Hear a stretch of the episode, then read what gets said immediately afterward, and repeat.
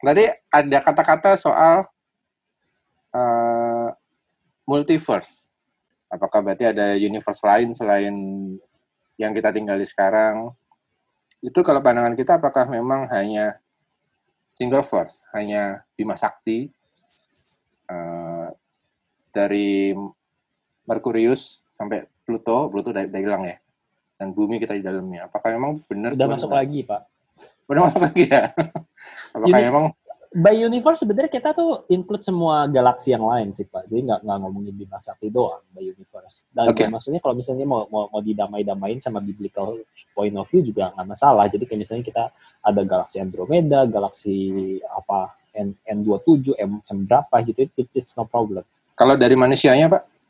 Memang hanya di bumi aja atau ada pandangan lain bahwa manusia itu ada juga di tempat lain? gitu kayak itu Dragon Ball gitu loh Dragon Ball. Kan ada tuh planet saya ah. planet saya ada yang pi, pi apa Piccolo gitu. Itu ada planet lain tuh. Ya, ya. gini biar biar biar enak dari dari ini dulu ya. Nanti biar biar bapak Yuri jawab yang dari versi science ya. Uh, ini ini ini biar gampang pak. Saya kasih foundation dari biblical view atau biblical interpretation yang lebih memudahkan supaya kita kita kita gampang ya satu ya soal soal multiverse atau universe gitu ya. Sebenarnya uh, sebenarnya kita bilang tuh uh, sebenarnya ya dua spiritual verse. Uh, dua dua apa ya? Ada dua ranah yang berbeda sebenarnya. Bisa dibilang ya. Uh, the the the physical thing, the physical verse ya, tempat kita semua physical created thing ada dan the spiritual realm. Uh, oh iya, realm Pak, realm ya. Bukan universe tapi realm. Jadi ada uh, dunia realm of uh, spiritual realm uh, dan physical realm gitu. Dan idenya adalah yang yang yang physical realm ya tempatnya kita ini dan dan spiritual realm ya tempatnya Tuhan dan juga para malaikat and demons. Oke. okay. Nah, sebenarnya sebenarnya idenya idenya adalah dunia ini semestinya adalah tempat di mana uh, si spiritual realm and and physical realm itu ber, bertemu, Pak. Dan terutama it's very true itu di dalam uh, konteksnya Taman Eden. Itu tempat di mana Allah dan manusia itu bisa saling ber, bisa tatap-tatapan, bisa interaksi, bisa ngomong satu sama lain. Nah, kan tetapi oleh karena dosa si si si si realm, dua realm ini jadi kepisah hmm. karena ada dosa. Yeah. Sebenarnya idenya itu begitu. Nah, uh, dan sebenarnya uh, fungsi dari temple atau fungsi dari fungsi dari bait suci ya dan juga tabernakel sebenarnya itu adalah arketipikal bahwa uh, si si apa proses untuk penyatuan kembali dua realm yang kepisah ini. I see. Jadi idenya adalah uh, kayak tabernakel atau kalau uh, bait suci itu tuh gambarnya bentuknya dan juga apa ya arsitekturnya itu mirip banget sama Eden jadi ada pohon-pohon, terus kalau ada yang tahu kaki Dian yang ada kayak tujuh itu, tempat lilin itu, itu kan bentuknya kayak pohon, Pak. Sebenarnya di desainnya tuh kayak pohon dan idenya apa? Itu tuh kembali ke Eden. Nah, jadi poinnya adalah kayak tabernakel, bait suci itu apa? Itu adalah tempat di mana uh, the, the the the spiritual realm and, and, and the physical realm itu bertemu. Makanya di dalam bait suci juga kita ketemu ada uh, malaikat-malaikat, patung malaikat yang Allah suruh bikin Ya, supaya apa? Supaya kita tuh seolah-olah ditolong dan seolah-olah merasa pada akhirnya kembali ke Eden dan dan ada di dalam uh, tempat yang connected itu tadi ya physical and spiritual itu ketemu. Nah itu idenya bahwa uh, itu tabernakel dan juga uh, bait suci. Nah masuk ke dalam New Testament kita ketemu ternyata tempat connectionnya itu adalah Jesus, Yesus ya bahwa uh, Allah itu yang mestinya in the spiritual realm itu masuk hmm. ke dalam physical realm in Jesus di dalam Yesus. Hmm. Nah, gitu. Nah, makanya uh, makanya berkali-kali nah itu itu quotation yang lucu dari New Testament bahwa wah kehadiran Allah nyata gitu ya. Nah, itu ketika ketika Yesus ada gitu. Jadi mereka tuh merasakan sesuatu uh, apa ya berada di sekitar Allah dan itu makin makin keren ketika itu epiphany ya epiphany ya ketika uh, disebutnya epiphany ya epiphany ketika Yesus itu naik ke atas gunung terus ada Musa dan juga Elia dan hmm. dan tiga murid itu ya yang.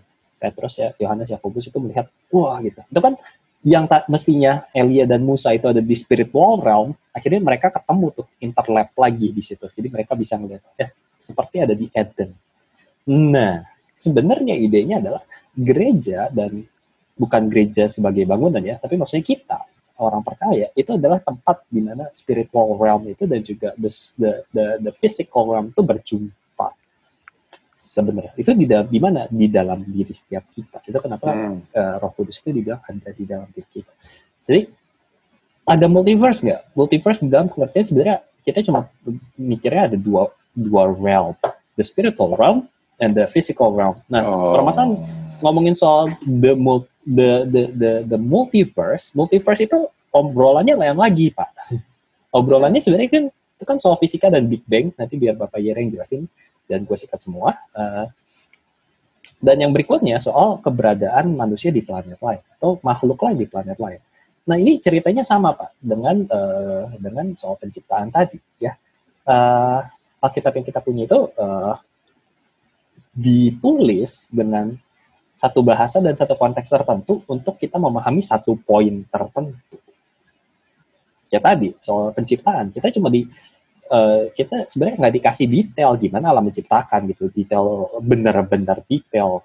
Pak Dika tuh diciptainnya gimana sih sama Tuhan kan nggak dikasih detail sih bisa, tapi cuma dikasih satu buah poin besar bahwa uh, everything is created by God.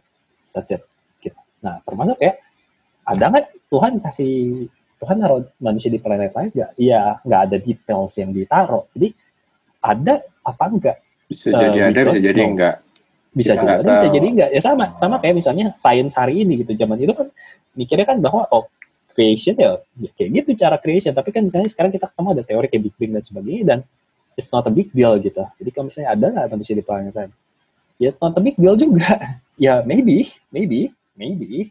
Hmm. Tapi manusia di planet lain itu berbeda dengan multiverse ya pak ya itu itu nanti biar bapak yeah, yeah, yeah. multiverse itu dua, dua hal dua hal yang beda dua hal yang beda ada intelligent being di sana. Jadi kayak makhluk-makhluk yang punya intelektual seperti kita yang bisa bangun teknologi dan sebagainya sampai bisa balas sinyal kita. Jangan-jangan ada mungkin makhluk di planet lain tapi kayak misalnya ya sama aja kayak sapi gitu. Ya kan dia nggak bisa ngirim sinyal balik gitu. Jadi ada nggak? Ada misalnya cuy hmm. tapi apa? Oh amoeba gitu kan. Amoeba kagak bisa ngirim sinyal balik ya pak ya?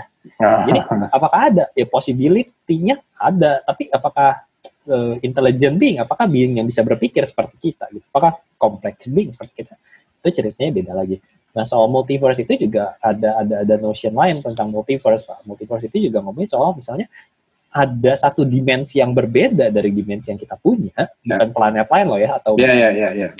galaksi lain, tapi satu satu satu satu uh, satu dimensi yang berbeda yang punya rules fisika yang beda sama kita, dibangun dari struktur kimia yang beda sama kita. Kalau kita kan kita mau sampai planet mana pun kurang lebih uh, apa ya chemical and physical structure-nya ya ini ini juga gitu. Jadi jadi ya yeah, nanti yeah. misalnya kita pergi ke galaksi mana kita masih ketemu uh, pasir, oksigen. batu. Enggak, it, it, uh, tabel periodik pak. Di tabel periodik pak. Bukan batu doang pak. Tabel periodik pak. Jadi kayak ada karbon ada nitrogen. Oke okay, silakan bro. Sikat. Ini mungkin uh, singkat aja jadi intinya gini asumsi kalau ada semesta lain di tempat kita karena memang semesta kita luas jadi ada area yang kita belum bisa uh, discover karena ada limit of science tadi. Jadi ada kita sejauh ini pun sampai ya planet-planet paling jauh semana sih gitu ya. Ada blind spot lagi yang kita nggak bisa teliti atau kalau kita bilang dalam web itu ada dark web gitu ya. Hmm. Yang di dalam-dalam itu tuh. Kita yang tahu itu surface saja tapi dalamnya itu luas banget webnya. Jadi itulah semesta. Dengan asumsi seperti itu, pengetahuan kita yang sempit dan kita terus masih bertumbuh, pasti mungkin ada di sana ada multiverse lainnya yang kita yet to discover That's why scientist itu excited gitu, senang gitu. Kenapa? Karena ya ini ya hidup kita gitu, mencari sesuatu terus gitu. Dulu rasanya orang itu bilang sains itu ada limitnya. Kayaknya manusia itu nggak bisa terbang karena ada hukum gravitasi. Tetapi ternyata limit itu pun bisa di-push juga. Jadi seolah-olah nggak ada limitnya. Jadi manusia bisa terbang. Terus manusia pikir kayaknya uh, mustahil untuk keluar planet lain gitu. Tetapi sampai ditemukan planet itu uh, Yuri Gagarin, Neil Armstrong dan lain sebagainya udah sampai, oh ternyata bisa juga di-push banderinya. Seolah-olah jadi kayaknya limit kita itu hanya limit sementara yang nanti mungkin kita bisa push-push lagi. Yeah. Dan mungkin dengan asumsi seperti ini adalah sains adalah unlimited dalam konteks adalah kita masih bisa asumsi potentially push our boundary. Yeah. Maka sains itu unlimited dalam konteks ini mungkin. Tetapi nggak bisa dina ada area yang kita nggak bisa discover. Dan tapi menariknya gini, Dengan asumsi seperti itu ya mungkin ada multiverse ya seperti tadi udah dibilang ya ada galaksi-galaksi lain dan lain sebagainya. Tetapi yang satu menarik adalah pertanyaan yang berbeda, apakah ada manusia lain di multiverse itu asumsinya kan? Kalau ada multiverse lain, apakah ada manusia-manusia seperti kita atau Tuhan menciptakan manusia lain selain kita? Nah, ini adalah satu hypothetical question. Mungkin iya, mungkin enggak. Tetapi menarik, question pertanyaan ini akan menjadi sesuatu yang meaningless kalau tidak bisa difalsify. Jadi seorang saintis bernama Karl Popper bilang segala sesuatu itu meaningless, eh, meaning, meaningful kalau bisa difalsify atau ada sesuatu yang bisa membatalkannya. Hmm. Kalau enggak dia hanya sekedar wishful thinking. Contoh misalnya, kita asumsikan ada hmm, chimera gitu ya, eh, binatang kepala tiga yang, uh, sorry, uh, Ciberus gitu ya, mitologi Yunani yang kepala tiga anjing kepala tiga yang di neraka dan lain sebagainya kan. Gimana cara falsifainya? Buktikan ini benar atau salahnya? Gak bisa juga. Gimana cara buktikan benar atau salah? Nah kalau dalam iman Kristen, gimana kita bisa buktikan Tuhan itu ada? Ya gimana ya? Yesus. Yesus kubur kosong. Jika kuburnya uh, Yesus benar-benar bangkit, maka uh, Yesus tidak bangkit. Sia-sialah iman kita. Ada sesuatu yang bisa membatalkan itu gitu. Yaitu jika Yesus tidak bangkit, maka sia-sialah iman kita gitu. Ada sesuatu yang dibatal, bisa membatalkannya. Segala sesuatu itu bisa meaningful kalau ada pembatalannya. Tapi kalau nggak ada pembatalannya itu nggak bisa dibuktikan atau nggak bisa itu sesuatu yang meaningful. Eh apa meaningless karena itu hanya sekedar di realm imajinasi. Jadi misalnya ada peri, ya ada dan lain sebagainya. Bigfoot adalah sesuatu yang meaningful. Kenapa? Karena ada jeda kakinya. Oh, ini benar nggak ini Bigfoot? Nah, ini sesuatu yang meaningful karena ada sesuatu jejak. Sesuatu yang bisa yet kita proses lebih dalam lagi. Tapi kalau misalnya seperti peri dan lain sebagainya, itu meaningless karena kita nggak bisa falsify atau verify. Apa buktinya? Apa tanda dia menyatakan dirinya? Selain daripada buku cerita anak yang kita tahu itu jelas cerita anak, fiksi. Nah, tapi kalau soal kehidupan di luar sana, sampai sekarang kita belum temukan ada kehidupan lain. Nah, tapi ini adalah sesuatu yang meaningful. Kenapa? Karena gini, karena kita bisa dibuktikan ini benar salah kalau kita mendapatkan sinar gelombang daripada sana gitu, respon daripada planet lain.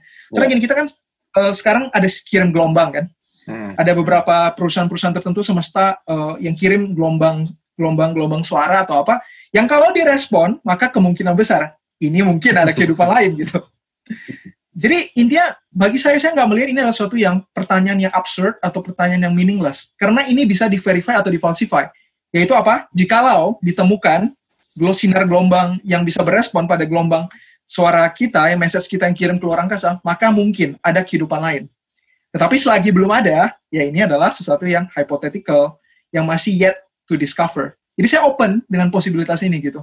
Oke. Okay. Dan bahkan Alistair McGrath, seorang teolog mengatakan gini, kalau seandainya Tuhan ciptakan semesta lain di luar sana, ya mungkin ya Tuhan juga menebus mereka gitu.